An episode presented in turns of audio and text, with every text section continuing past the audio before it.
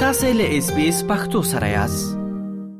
افغانستان کې د طالبانو لوري ورستربلې د سختدریزو قوانینو زیاتېدو او د غراس په دی ورستیو کې د دې ډلې لوري د شرعي حدود په نوم په عام محضر کې د خلکو په درو وهل کوردن او نړیواله کچه پراخ برګونونه راپارول دي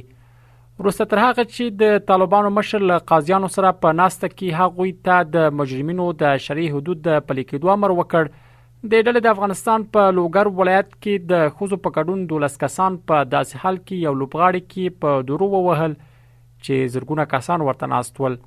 دا په تیر یو میاشت کې دویم ځل وو چې طالبانو په عام محضر کې پر خلکو شرعي حدود پلي کړل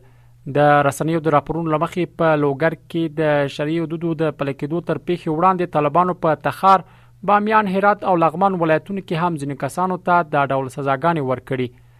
د طالبانو د کار په کوردننه د خبرګونونو ترڅنګ د بشري حقوقو سازمانونو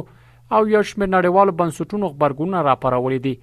یادو بنسټونو په محضر کې د طالبانو لوري د شرعي حدود جاری کول غندلي او د ژر تر ژره بندیدو غوښتنه یې کړې ده د افغانستان لپاره د اروپای ټولنې ځانګړي استازي توماس نیکالسن هم د طالبانو پر دغه عمل اندېښنه ښکاره کړې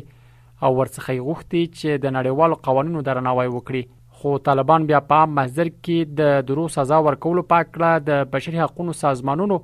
او لویدیځو هیوادونو نیوکې د اسلام دین ته به احترامي بولي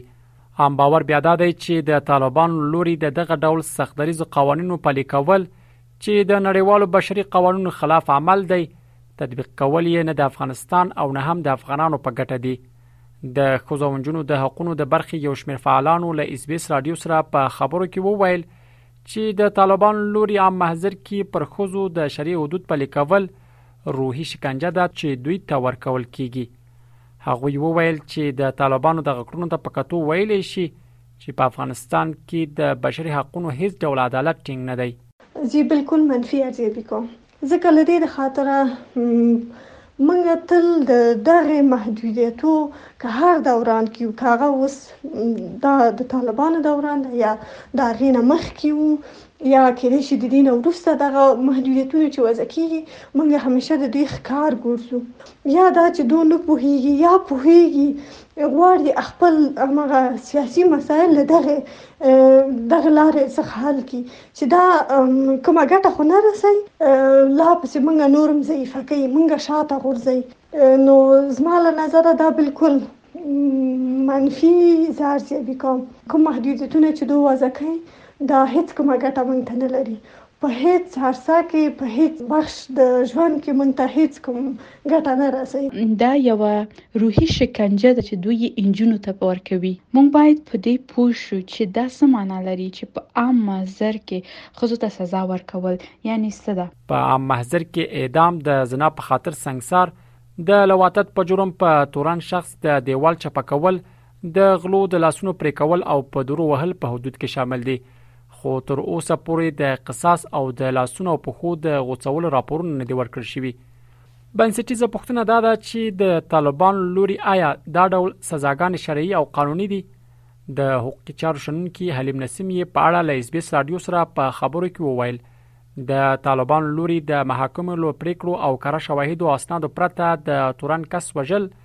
او سزا ورکول قانوني او شرعي حیثیت نه لري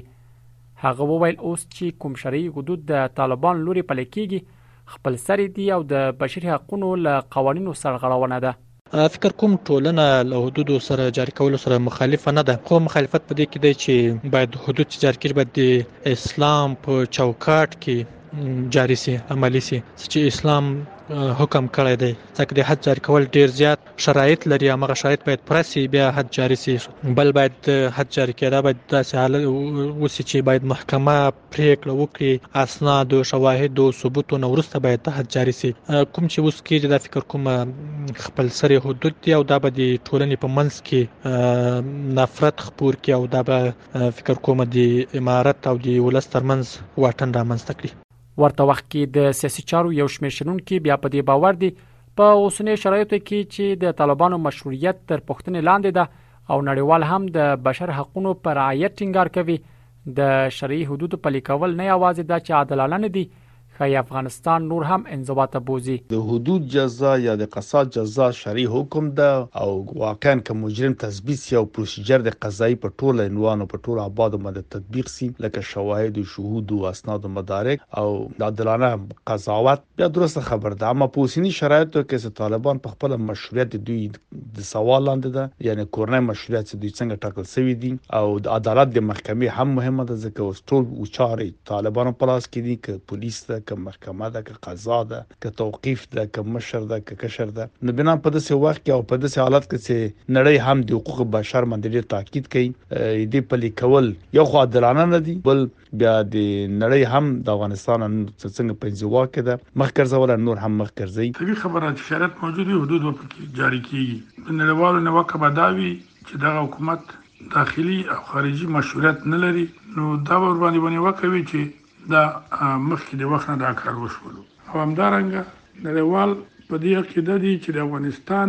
د محاکمو چلوونکي هغه که د لوی څارنوالۍ خلک دي او که د سترې محکمې پورې مربوط خلک دي، دوی لا داسې نه دي تربیه شوي چې دوی دې د حدودو په جاري کولو کې کاملا عدالت وکړي. طالبانو د دوه زره یوویشت م کال د اګست پنځلس مه افغانستان کې واک ته تر رسېدو وروسته د نرمښت ژمنه کړې وه،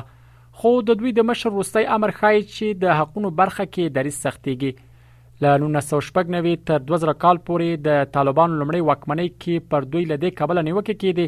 چې په کابل لوبغاړي او د افغانستان نورو برخو کې په عام محضر کې د درو او اعدام سزاګانې ورکولې طالبانو همدار ژمنه کړې و چې د خزو ظالمانه ځپنه به نه تکراروي خو د ډلې واک ته تر رسیدو وروسته پر خزو سخت قوانين وضع کړي او یو شمېر هغه خزي وهلي ډبولي چې د خپل حقونو غوښتنه کوي رحیم الدین اوریا خیل اس بي اس رادیو افغانستان که غواړئ دغه سنوري کیسې هم او رینو د خپل پودکاسټ ګوګل پودکاسټ یا هم د خپل خاكي پر پودکاسټ یو اورئ